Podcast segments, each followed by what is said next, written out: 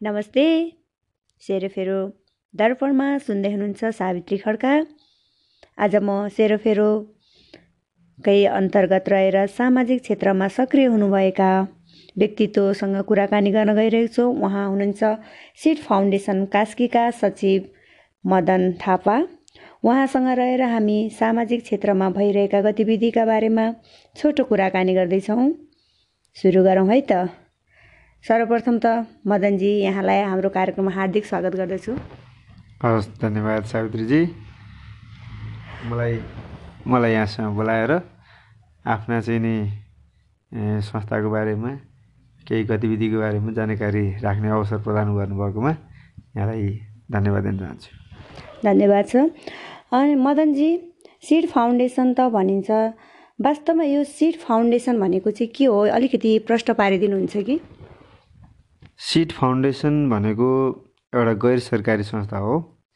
यसले चाहिँ सामा समाजको बारे के अरे सामाजिक वातावरण र शिक्षाको क्षेत्रमा कार्य गर्ने उद्देश्यको साथ दुई हजार चौसठी सालमा स्थापना भएको नन प्रफिटेबल अर्गनाइजेसन हो यसले चाहिँ आफ्नो आधार क्षेत्र भनेर साविक लेखनाथ महानगरपालिकाको नगरपालिकाको वडा नम्बर एकतिसमा आफ्नो कार्यालय राखी लेखनाथ नगरपालिकाभन्दा पूर्वी भेगमा रहेका विकट गाउँहरू जहाँ चाहिँ शिक्षाको स्वास्थ्यको पूर्वाधार चाहिँ नभएको क्षेत्र त्यो ठाउँमा चाहिँ हामीले काम गर्दै आइरहेका छौँ। शिक्षाको क्षेत्रमा त कुरा गर्नुभयो। शिक्षाको क्षेत्रमा अझै विस्तृत रूपमा जानकारी गराइदिनुहोस् न। यसले शिक्षाको क्षेत्रमा के कस्ता गतिविधिहरू गर्दै आइरहेको छ? हाम्रो संस्थाले स्थापना कालदेखि नै आफ्नो उद्देश्य अनुरूप चाहिँ शिक्षा को क्षेत्रमा सामाजिक क्षेत्रमा र वातावरणको क्षेत्रमा काम गर्ने उद्देश्य अनुरूप शिक्षाको क्षेत्रमा त्यो जहाँ चाहिँ नि दूर दराजमा रहेका चाहिँ नि विद्यालयहरू हुन् कास्की क्षेत्र हो सुगम जिल्ला मानिन्छ तर पनि यो जिल्लाका चाहिँ पिछडिएका ठाउँहरू जहाँ चाहिँ विद्यालयको भवन नभएका विद्यार्थी भवन भएका ठाउँमा पनि जीर्ण भएका त्यस्ता विद्यालयहरूमा चाहिँ नभएको ठाउँमा विद्यालय भवनै निर्माण गरेका छौँ र जहाँ चाहिँ विद्यालय भवनहरू चाहिँ नि भएर पनि जीर्ण अवस्थामा छन् त्यस्ता ठाउँमा तिनीहरूको चाहिँ नि हामीले चाहिँ नि पुनर्निर्माण गरेर हामीले अहिलेसम्म चाहिँ बयालिसवटा स्कुलहरू नयाँ निर्माण र चाहिँ पुनर्निर्माण गरी बयालिसवटा हामीले चाहिँ नि विद्यालयहरू बनाइसकेका छौँ। त्यो भवन निर्माणका कुरा भए कतिपय विद्यालयहरूमा हामीले फर्निचरहरू उपलब्ध गराएका छौँ। भने एउटा चाहिँ नि के भन्छ यो आँखा नदेख्ने विद्यार्थीहरू के भन्छ? दृष्टिविहीन दृष्टिविहीन बालबालिकाहरूको लागि एउटा हामीले भण्डारीमा एउटा होस्टेल पनि हामीले बनाइदिएका छौँ। भने प्रत्येक वर्ष विद्यार्थीहरूलाई चाहिँ विद्यालय जानको लागि चाहिँ नि मोटिभेट गर्ने उद्देश्य अनुरूप हामीले चाहिँ नि उनीहरूलाई खाजा वार्षिक रूपमा तिन सय विद्यार्थीलाई खाजाको पनि हामी व्यवस्था गर्छौँ। त्यसै गरी जसले चाहिँ नि विद्यालयमा जाँदाखेरि युनिफर्म किन्न नसक्ने अवस्थाका गरिब बालबालिकाहरूको लागि चाहिँ हामीले पोसाक पनि हामीले उपलब्ध गराउँदै आएका छौँ। शिक्षाको क्षेत्रमा धेरै नै राम्रो कामहरू गर्दै गर्नुभएको रहेछ। भनेपछि यसको ला लगानी चाहिँ कहाँबाट उपलब्ध गराउनुहुन्छ? अब यो हामीले चाहिँ आर्थिक पाटो चाहिँ हाम्रो सरकारबाट चाहिँ अब खासै त्यस्तो चाहिँ छैन। यहाँका चाहिँ सरकारी निकायहरू चाहिँ केही हातेमालोहरू भए पनि विशेष गरी यसको आर्थिक सङ्कलन चाहिँ हाम्रो थियोकेट भन्ने चाहिँ नेदरल्यान्डमा हुनुहुन्छ। हाम्रो संस्थाको चाहिँ नि अति चाहिँ नि नजिकको साथी हुनुहुन्छ उहाँ। उहाँले चाहिँ नि त्यहाँ चाहिँ रहेका विभिन्न सामाजिक संस्था व्यक्तिहरूसँग चाहिँ नि रकम सङ्कलन गर्नुहुन्छ। अनि त्यो सङ्कलित रकमलाई चाहिँ नि यहाँ चाहिँ पठाउनुहुन्छ। त्यसलाई हामीले चाहिँ नि आवश्यकता अनुसार चाहिँ नि माग भएअनुसार डिमान्ड बेसिसमा हामीले चाहिँ त्यसको वितरण गर्ने गर्छौँ। त्यही अनुसार चाहिँ हामीले काम गर्दै आइरहेका छौँ। प्रमुख रूपमा उहाँले चाहिँ डोनेट गरे तापनि त्यो बाहेक पनि अरू विभिन्न देशका चाहिँ नि डोनर एजेन्सीहरूले पनि हामीसँग चाहिँ नि हाम्रो चाहिँ वेबसाइट भिजिट गरेर त्यसको आधारमा हामीसँग सम्पर्क गरेर पनि केही मात्रामा चाहिँ रकमहरू चाहिँ दिने गर्नुभएको छ। त्यसैको आधारमा अहिलेसम्म सिड फाउन्डेसन चलिरहेको छ। विदेशी संस्थाले त लगानी गरेको रहेछ नै। हाम्रो नेपाल सरकारले चाहिँ यसलाई के कस्तो सेवा दिने अवसर प्राप्त भएको छ कि छैन केही गरेको छ कि छैन त? यो चाहिँ तपाईँको गैर सरकारी संस्था हो। गैर सरकारी संस्था भइसकेपछि अब सरकारको चाहिँ प्रत्यक्ष लगानी भन्ने कुरा चाहिँ हुने भएन। तैपनि सरकारका विभिन्न कार्यक्रमहरू जुन चाहिँ हाम्रो संस्थाका चाहिँ नीति कार्यक्रमहरूसँग चाहिँ मिल्दाजुल्दा हुन्छन्।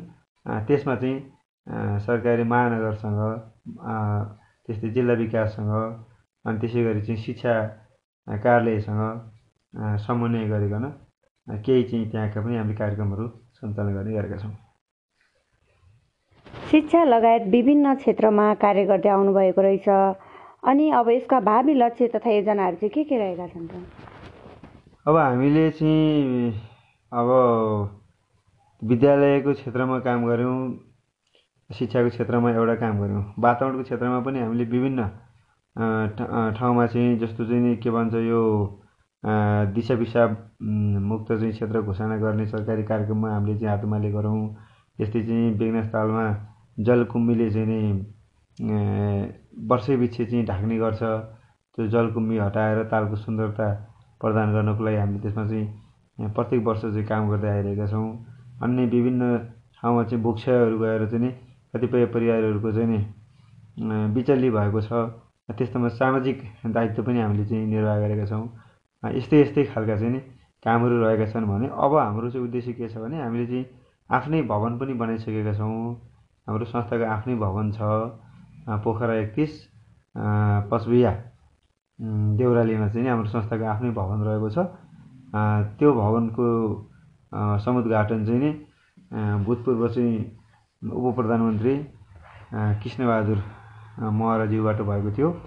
र त्यो संस्था हामीले चाहिँ नि समाजमा पिछडिएका महिला दिदीबहिनीहरूलाई सशक्तिकरण गर्नको लागि भनेर हामीले त्यो संस्था चाहिँ नि के अरे भवन चाहिँ निर्माण गरेका छौँ। भवनको नामै महिला सशक्तिकरण भवन हो। त्यो भवनमा हामीले अहिले चाहिँ नि विभिन्न तालिमहरू सञ्चालन गर्दै आइरहेका छौँ। पिछडिएका दिदीबहिनीहरूलाई चाहिँ ती तालिम लिनका लागि महिलाहरूले कसरी थाहा पाउनुहुन्छ त? त्यहाँ तालिम सञ्चालन हुँदैछ हामीलाई त्यो तालिमको आवश्यकता छ भन्ने कुरा यस सिट फाउन्डेसनले कसरी जानकारी गराउँदछ त? यसको लागि हामीले चाहिँ नि सूचना निकाल्छौँ। यो तालिम चाहिँ हामी चाहिँ यहाँ सञ्चालन गर्दैछौँ। पहिला त्योभन्दा अगाडि चाहिँ यहाँ के को आवश्यकता छ भन्ने चाहिँ हामीले चाहिँ सर्वे गर्छौँ। सर्वे गरिसकेपछि यो आवश्यकता छ यसले चाहिँ महिलाहरूलाई चाहिँ उत्थान गर्न सक्छ भन्ने लागिसकेपछि हामीले त्यही अनुसारको चाहिँ तालिमको लागि जो गरेर सूचना निकाल्छौँ। सूचना निकालिसकेपछि अनि त्यसपछि आउनुहुन्छ। उहाँहरू सम्पर्कमा आउनुहुन्छ र त्यहीँबाट छान्छौँ। अहिलेसम्म कति महिला सहभागी भइसक्नु भएको छ त यस कार्यक्रमको लागि? अहिलेसम्म हामीले चाहिँ यसमा करिब करिब एक सय पचास वरिपरि महिलाहरूलाई हामीले चाहिँ तालिम दिइसकेका छौँ। कसैले कटिङ तालिम लिनुभएको छ कसैले चाहिँ नि गुडिया बनाउने तालिम लिनुभएको छ। कसैले चाहिँ नि सिलाइ तालिम लिनुभएको छ सिलाइ कटिङ कसैले चाहिँ माला बुन्ने के अरे माला बनाउने तालिम लिनुभएको छ। कसैले झोला बनाउने तालिम लिनुभएको छ कसैले चाहिँ उद्घोषण तालिम लिनुभएको छ। कसैले चाहिँ नि तपाईँको चाहिँ नि के होट के अरे होटल रेस्टुरेन्ट यो क्षेत्रमा भएको हुनाले हाउसकिपिङका तालिम लिनुभएको छ भने अहिले पछिल्लो चरणमा आएर चाहिँ नि हाते तानबाट चाहिँ कपडा बुन्ने तालिम चाहिँ नि हामीले गएको चाहिँ पाँच गते चाहिँ बाटो चाहिँ सुरु गरेका छौँ। यसमा चाहिँ अठारजना चाहिँ नि सहभागीहरू हुनुहुन्छ। अब हाम्रो उद्देश्य के छ भने हाम्रो अबको भावी उद्देश्य के हो भन्दाखेरि त्यो हाते तानबाट उनेको कपडाहरू यो क्षेत्रको पहिचानको रूपमा यो क्षेत्रमा भ्रमण गर्न आउनुभएका जति पनि देशी विदेशी पर्यटकहरू हुनुहुन्छ उहाँहरूलाई यो क्षेत्रको चिनोको रूपमा दिने उद्देश्यका साथ हामीले चाहिँ त्यो हाते तानबाट कपडा उन्ने तालिम सुरु गरेका छौँ। र अब यसैलाई चाहिँ दिगो रूपमा अगाडि बढाउने र यो तालिममा चाहिँ जसले चाहिँ नि सहभागी हुनुभएको छ उहाँहरूले चाहिँ आफू चाहिँ नि व्यावसायिक आम्दानी व्यावसायिक रूपमा आफ्नो चाहिँ नि कार्यदक्षता चाहिँ अगाडि बढाउने। उहाँहरू पनि हाते तान र पर्यटकहरूलाई उपहार पठाउनेको कुरा गर्नुभयो। लेखनाथको कोसेली भनेर पनि आइरहेको छ अहिले। अब नेपालले ट्वेन्टी ट्वेन्टी वर्ष मनाइरहँदा यस सिट फाउन्डेसनले चाहिँ कसरी आफ्ना कुराहरू यो ट्वेन्टी ट्वेन्टीलाई सफल पार्नको लागि के कस्ता कार्यक्रमहरू ल्याएको छ त त्यो बारेमा नि अलिकति बताइदिनुहुन्छ कि? अब हामीले चाहिँ भिजिट ट्वेन्टी ट्वेन्टी भनेर प्रत्यक्ष रूपमा कुनै कार्यक्रम सञ्चालन गरेका त छैनौँ। तर तर पनि हामी चाहिँ अब के छ भने यही सामाजिक क्षेत्रमा काम गर्ने र त्यही पर्यटकहरूसँग चाहिँ नि उनीहरूलाई चाहिँ एउटा यो क्षेत्रको पहिचानको रूपमा यो वस्तु चाहिँ नि यहाँबाट केही वस्तु उत्पादन गरेर चाहिँ पठाउने भन्ने उद्देश्य भएको हुनाले हामीले यो तालिम अहिले सञ्चालन गर्नको कारण पनि त्यही हो। तिन महिनामा यो तालिम सकिन्छ। त्यसपछि त्यसको उत्पादन सुरु हुन्छ। यही twenty twenty visit twenty twenty यही इयरभित्रमै हामीले चाहिँ नि उत्पादन सुरु गरेर यसलाई यहाँ आउने पर्यटकहरूलाई यो क्षेत्रको चाहिँ नि चिनारीको रूपमा चिनोको रूपमा चाहिँ नि वितरण गर्ने र त्यसले चाहिँ नि पर्यटकहरूलाई चाहिँ नि फेरि पनि यो ठाउँमा फर्केर आउने अथवा यो ठाउँ पनि एउटा चाहिँ पर्यटकहरू घुम्नको लागि बस्नको लागि उपयुक्त ठाउँ रहेछ भन्ने चिनाउने जमर्को चाहिँ गर्दैछौँ। पर्यटन वर्ष ट्वेन्टी ट्वेन्टी मनाइरहँदा यहाँले पनि आफ्नो क्षेत्रबाट गर्नुभएका कार्यहरूको बारेमा हामीलाई जानकारी गराइसक्नु भएको छ। यस कार्यक्रमलाई अझ कसरी अगाडि लैजान सकिन्छ होला? यस विषयमा केही छ हजुरको? हजुरले भन्नु भन्नुभएको भिजिट ट्वेन्टी ट्वेन्टीलाई कि यो भिजिट ट्वेन्टी ट्वेन्टी अब यो सरकारी चाहिँ जुन चाहिँ कार्यक्रम छ अब यसलाई चाहिँ सहयोग गर्नु सम्पूर्णको चाहिँ दायित्व हो। हामी पनि चाहिँ नि त्यसमा चाहिँ उत्तिकै गैर सरकारी संस्था भए पनि यो क्षेत्रबाट हामीले उत्तिकै सहयोग गर्ने हाम्रो दायित्व हामी गर्छौँ। अब यसमा चाहिँ सरकारले चाहिँ कार्यक्रम मात्रै अगाडि बढाएर भन्दा पनि त्यो कार्यक्रमलाई सफल बनाउनको लागि चाहिँ विभिन्न क्षेत्रहरूमा चाहिँ सरकारका चाहिँ प्रतिनिधिहरू पठाउने त्यहाँका चाहिँ नि त्यो क्षेत्रमा होटल व्यवसायसँग सम्बन्धित भएका व्यक्तिहरूलाई चाहिँ नि त्यो सेवा सुविधा पर्यटकलाई चाहिँ दिनुपर्ने सेवा सुविधाहरू अलिकति स्तरीय बनाउनको लागि चाहिँ नि सुझाउने अनि त्यसैको चाहिँ विज्ञापन चाहिँ नि विश्वभरि विश्वभरि गरेर सहयोग गर्नुपर्छ होला जस्तो लाग्छ।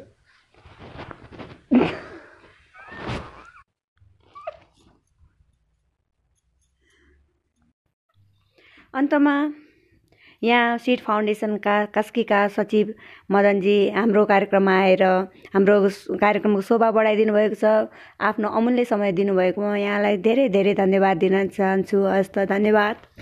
हुन्छ तपाईँलाई पनि धन्यवाद।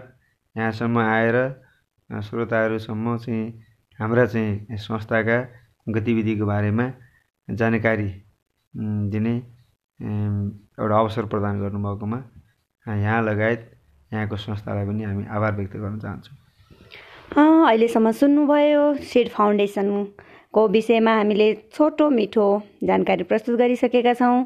हामीलाई सुनेर बस्नुभएको यहाँहरू सम्पूर्णलाई धेरै धेरै धन्यवाद दिँदै आजको कार्यक्रम यहीँ समाप्त भएको घोषणा गर्दछु। परिवर्तन आफैबाट हुनुपर्छ। धन्यवाद। हे हेलो नमस्ते।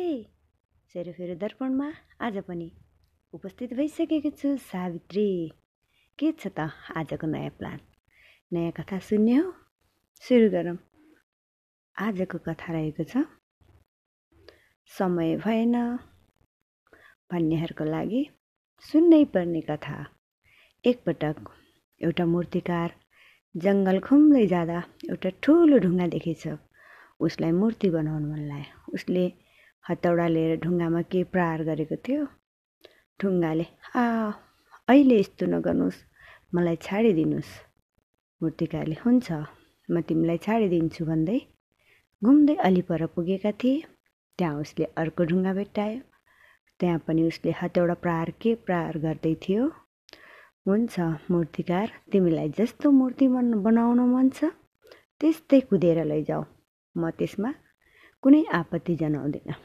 मूर्तिकारलाई पनि के चाहियो? उसले ठुलो र राम्रो गणेशको मूर्ति तयार गरेर छोडिदियो। ऊ गाउँ फर्क्यो। गाउँमा आएपछि गाउँलेहरूले उसलाई भने हेर हामीलाई एउटा ठुलो मूर्ति चाहिएको छ। जुन यो मन्दिरमा स्थापना गर्नु छ। हुन्छ जङ्गलमा जानुहोस् मैले त्यहाँ बनाएर राखिदिएको छु। गाउँलेहरू जङ्गल गए र मूर्तिकारले बनाएको सुन्दर गणेशको मूर्ति लिएर मन्दिरमा आए। मन्दिरमा त्यस मूर्तिको स्थापना भयो पूजा भयो त्यत्तिकैमा याद आयो। मूर्ति त भयो अब नरिवल फोर्ने ढुङ्गा पनि त चाहियो। फेरि उनीहरू जङ्गलमा गए र पहिले छोडिएको त्यो ढुङ्गालाई लिएर मन्दिर छेउ आए। मन्दिरको बाहिरपट्टि ढुङ्गालाई राखिदिए। हरेक दिन पूजा हुन्थ्यो। धेरै लड्डु प्रसादहरू चढ्थ्यो।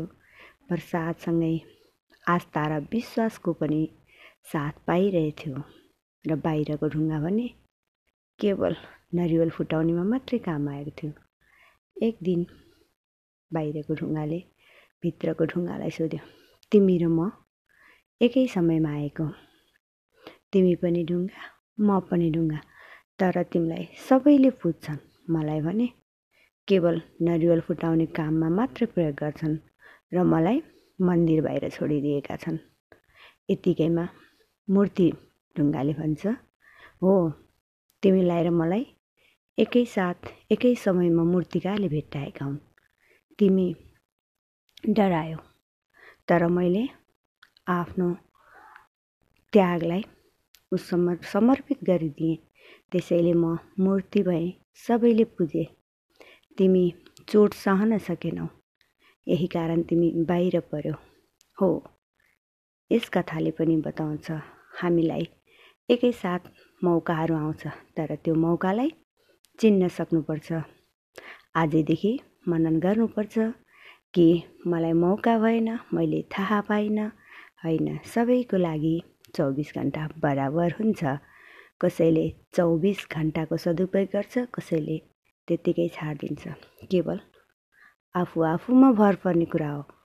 परिश्रम गर्न सक्नुपर्छ मेहनत गर्नुपर्छ सफलता आफै पाइन्छ। अहिलेसम्म सुन्नुभयो?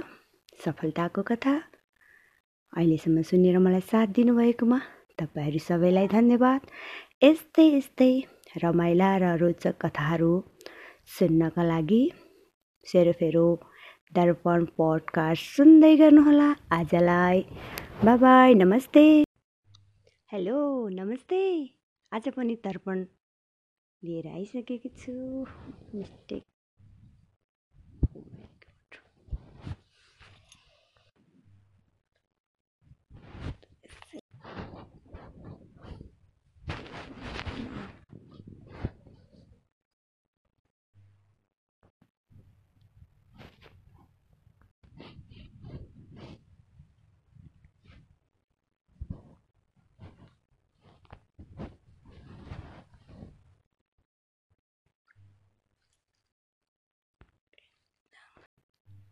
हेलो नमस्ते एभ्री वान सेरोफेरो दर्पणमा आज पनि उपस्थित भइसकेकी छु।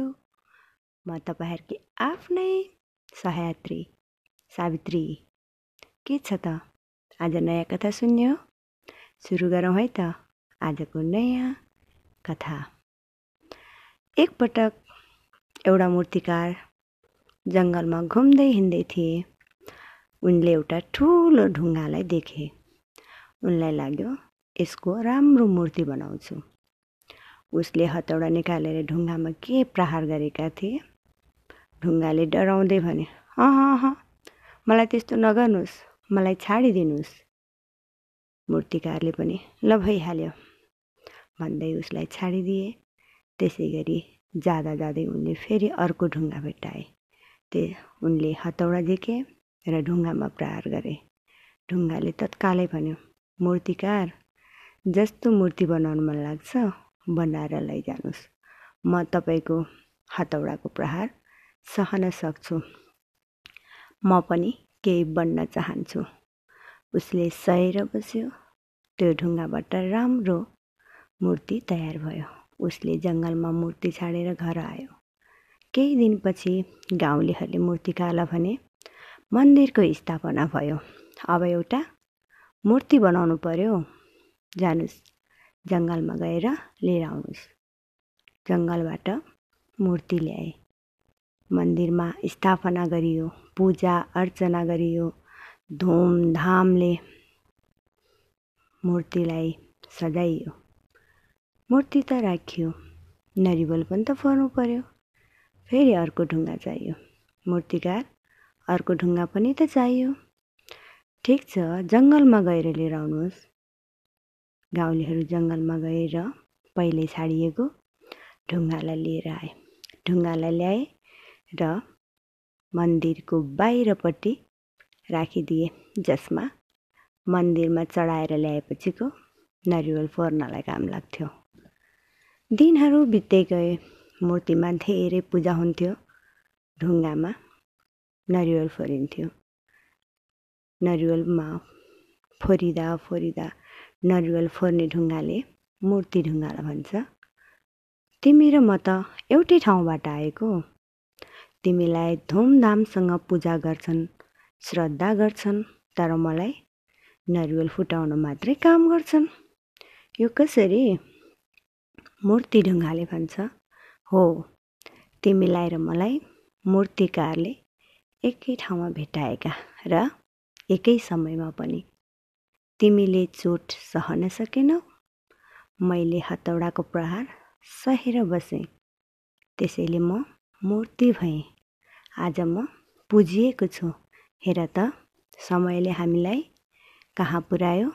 तिम्रो सहन नसक्ने बानीले गर्दा आज तिमी ढुङ्गा भएका छौ र नरिवल फुटाउन मात्र काम आएका छौ। हौ! यही कुरा नै भन्न चाहन्छु म। समय र साथ कसलाई कतिखेर पाइन्छ त्यो चिन्न सक्नुपर्छ बुझ्न सक्नुपर्छ। कस्तो लाग्यो त आजको सङ्घर्षको कथा। सँगसँगै ढुङ्गाले गरेको सङ्घर्षले देखाउँछ कति महान बनाउँछ सँगैको ढुङ्गाले देखाउँछ। उसले चिन्न नसक्दा बाहिर बसेर नरिवल फुटाउने काममा सहयोग भएको। हो। यो कथाले त्यही जनाउँछ हामी सबैलाई मौका एकसाथै आउँछ चिन्न सक्नुपर्छ। समय सबैको लागि चौबिस घन्टा नै हो तर कसरी त्यसलाई प्रयोग गर्ने? त्यसमा भर पर्छ। विचार गरौँ है मन्दिरको मूर्ति हो कि बाहिरको ढुङ्गो? हस् त अहिलेसम्म मलाई सुनेर साथ दिनुभयो। सबैजनालाई धन्यवाद। यस्तै यस्तै नयाँ कथा सुन्नलाई सेरोफेरो दर्पण पडकास्ट सुन्दै गर्नुहोला। आजलाई हस् त बाई बाई नमस्ते। हेलो नमस्ते एभ्री वान सेरोफेरो दर्पणमा आज पनि उपस्थित भइसकेकी छु। म तपाईँहरूकी आफ्नै सहायत्री सावित्री। के छ त? आज नयाँ कथा सुन्ने हो सुरु गरौँ है त। आजको नयाँ कथा। एकपटक एउटा मूर्तिकार जङ्गलमा घुम्दै हिँड्दै थिए। उनले एउटा ठुलो ढुङ्गालाई देखे। उनलाई लाग्यो यसको राम्रो मूर्ति बनाउँछु। उसले हतौडा निकालेर ढुङ्गामा के प्रहार गरेका थिए? ढुङ्गाले डराउँदै भने अह अह मलाई त्यस्तो नगर्नुहोस् मलाई छाडिदिनुहोस्। मूर्तिकारले पनि ल भइहाल्यो भन्दै उसलाई छाडिदिए त्यसै गरी जाँदा जाँदै उनले फेरि अर्को ढुङ्गा भेट्टाए।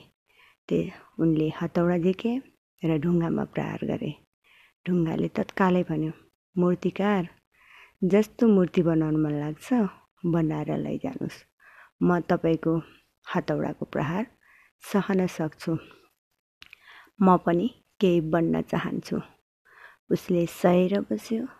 त्यो ढुङ्गाबाट राम्रो मूर्ति तयार भयो। उसले जङ्गलमा मूर्ति छाडेर घर आयो। केही दिनपछि गाउँलेहरूले मूर्तिकारलाई भने मन्दिरको स्थापना भयो। अब एउटा मूर्ति बनाउनु पर्यो। जानुहोस् जङ्गलमा गएर लिएर आउनुहोस् जङ्गलबाट मूर्ति ल्याए। मन्दिरमा स्थापना गरियो पूजा अर्चना गरियो। धुमधामले मूर्तिलाई सजाइयो। मूर्ति त राखियो। नरिवल पनि त फर्नु पर्यो। फेरि अर्को ढुङ्गा चाहियो। मूर्तिकार अर्को ढुङ्गा पनि त चाहियो। ठिक छ जङ्गलमा गएर लिएर आउनुहोस्। गाउँलेहरू जङ्गलमा गएर पहिले छाडिएको ढुङ्गालाई लिएर आए। ढुङ्गालाई ल्याए र मन्दिरको बाहिरपट्टि राखिदिए जसमा मन्दिरमा चढाएर ल्याएपछिको नरिवल फोर्नलाई काम लाग्थ्यो। दिनहरू बित्दै गए। मूर्तिमा धेरै पूजा हुन्थ्यो। ढुङ्गामा नरिवल फोरिन्थ्यो। नरिवलमा फोरिँदा फोरिँदा नरिवल फोर्ने ढुङ्गाले मूर्ति ढुङ्गालाई भन्छ। तिमी र म त एउटै ठाउँबाट आएको तिमीलाई धुमधामसँग पूजा गर्छन् श्रद्धा गर्छन् तर मलाई नरिवल फुटाउन मात्रै काम गर्छन्। यो कसरी? मूर्ति ढुङ्गाले भन्छ। हो तिमीलाई र मलाई मूर्तिकारले एकै ठाउँमा भेटाएका र एकै समयमा पनि तिमीले चोट सहन सकेनौ। मैले हतौडाको प्रहार सहेर बसेँ। त्यसैले म मूर्ति भएँ। आज म पुजिएको छु। हेर त समयले हामीलाई कहाँ पुर्यायो तिम्रो सहन नसक्ने बानीले गर्दा आज तिमी ढुङ्गा भएका छौ र नरिवल फुटाउन मात्र काम आएका छौ। हौ यही कुरा नै भन्न चाहन्छु म। समय र साथ कसलाई कतिखेर पाइन्छ त्यो चिन्न सक्नुपर्छ बुझ्न सक्नुपर्छ। कस्तो लाग्यो त आजको सङ्घर्षको कथा? सँगसँगै ढुङ्गाले गरेको सङ्घर्षले देखाउँछ। कति महान बनाउँछ सँगैको ढुङ्गाले देखाउँछ उसले चिन्न नसक्दा बाहिर बसेर नरिवल फुटाउने काममा सहयोग भएको हो। यो कथाले त्यही जनाउँछ हामी सबैलाई मौका एकसाथै आउँछ चिन्न सक्नुपर्छ समय सबैको लागि चौबिस घन्टा नै हो तर कसरी त्यसलाई प्रयोग गर्ने? त्यसमा भर पर्छ। विचार गरौँ है। मन्दिरको मूर्ति हो कि बाहिरको ढुङ्गो? हस् त अहिलेसम्म मलाई सुनेर साथ दिनुभयो। सबैजनालाई धन्यवाद। यस्तै यस्तै नयाँ कथा सुन्नलाई सेरोफेरो दर्पण पडकास्ट सुन्दै गर्नुहोला। आजलाई हस्त बाई बाई नमस्ते। हेलो नमस्ते एभ्री वान सेरोफेरो दर्पणमा आज पनि उपस्थित भइसकेकी छु। म तपाईँहरूकी आफ्नै सहयात्री सावित्री। के छ त? आज नयाँ कथा सुन्यो? सुरु गरौँ है त। आजको नयाँ कथा।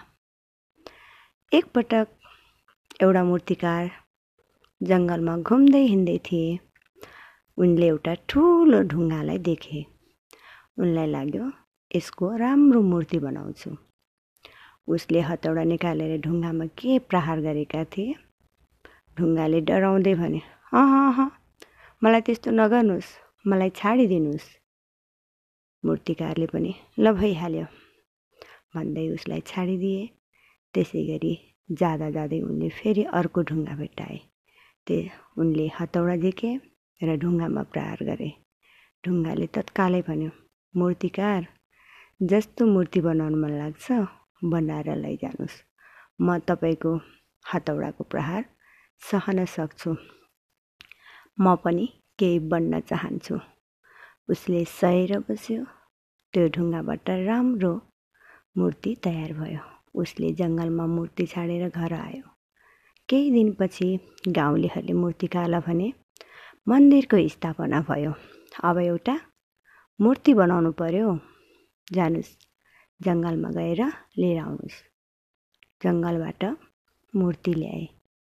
मन्दिरमा स्थापना गरियो पूजा अर्चना गरियो धुमधामले मूर्तिलाई सजाइयो मूर्ति त राखियो नरिवल पनि त फर्नु पर्यो फेरि अर्को ढुङ्गा चाहियो मूर्तिकार अर्को ढुङ्गा पनि त चाहियो ठिक छ जङ्गलमा गएर लिएर आउनुहोस् गाउँलेहरू जङ्गलमा गएर पहिले छाडिएको ढुङ्गालाई लिएर आए ढुङ्गालाई ल्याए र मन्दिरको बाहिरपट्टि राखिदिए जसमा मन्दिरमा चढाएर ल्याएपछिको नरिवल फोर्नलाई काम लाग्थ्यो। दिनहरू बित्दै गए मूर्तिमा धेरै पूजा हुन्थ्यो ढुङ्गामा नरिवल फोरिन्थ्यो। नरिवलमा फोरिँदा फोरिँदा नरिवल फोर्ने ढुङ्गाले मूर्ति ढुङ्गालाई भन्छ। तिमी र म त एउटै ठाउँबाट आएको। तिमीलाई धुमधामसँग पूजा गर्छन् श्रद्धा गर्छन् तर मलाई नरिवल फुटाउन मात्रै काम गर्छन्। यो कसरी? मूर्ति ढुङ्गाले भन्छ। हो तिमीलाई र मलाई मूर्तिकारले एकै ठाउँमा भेटाएका र एकै समयमा पनि। तिमीले चोट सहन सकेनौ? मैले हतौडाको प्रहार सहेर बसेँ। त्यसैले म मूर्ति भएँ। आज म पुजिएको छु। हेर त समयले हामीलाई कहाँ पुर्यायो तिम्रो सहन नसक्ने बानीले गर्दा आज तिमी ढुङ्गा भएका छौ र नरिवल फुटाउन मात्र काम आएका छौ। हौ यही कुरा नै भन्न चाहन्छु म। समय र साथ कसलाई कतिखेर पाइन्छ त्यो चिन्न सक्नुपर्छ बुझ्न सक्नुपर्छ। कस्तो लाग्यो त आजको सङ्घर्षको कथा? सँगसँगै ढुङ्गाले गरेको सङ्घर्षले देखाउँछ कति महान बनाउँछ सँगैको ढुङ्गाले देखाउँछ। उसले चिन्न नसक्दा बाहिर बसेर नरिवल फुटाउने काममा सहयोग भएको हो। यो कथाले त्यही जनाउँछ हामी सबैलाई मौका एकसाथै आउँछ चिन्न सक्नुपर्छ समय सबैको लागि चौबिस घन्टा नै हो। तर कसरी त्यसलाई प्रयोग गर्ने? त्यसमा भर पर्छ। विचार गरौँ है। मन्दिरको मूर्ति हो कि बाहिरको ढुङ्गो हस् त अहिलेसम्म मलाई सुनेर साथ दिनुभयो। सबैजनालाई धन्यवाद। यस्तै यस्तै नयाँ कथा सुन्नलाई सेरोफेरो दर्पण पडकास्ट सुन्दै गर्नुहोला। आजलाई हस् त बाई बाई नमस्ते।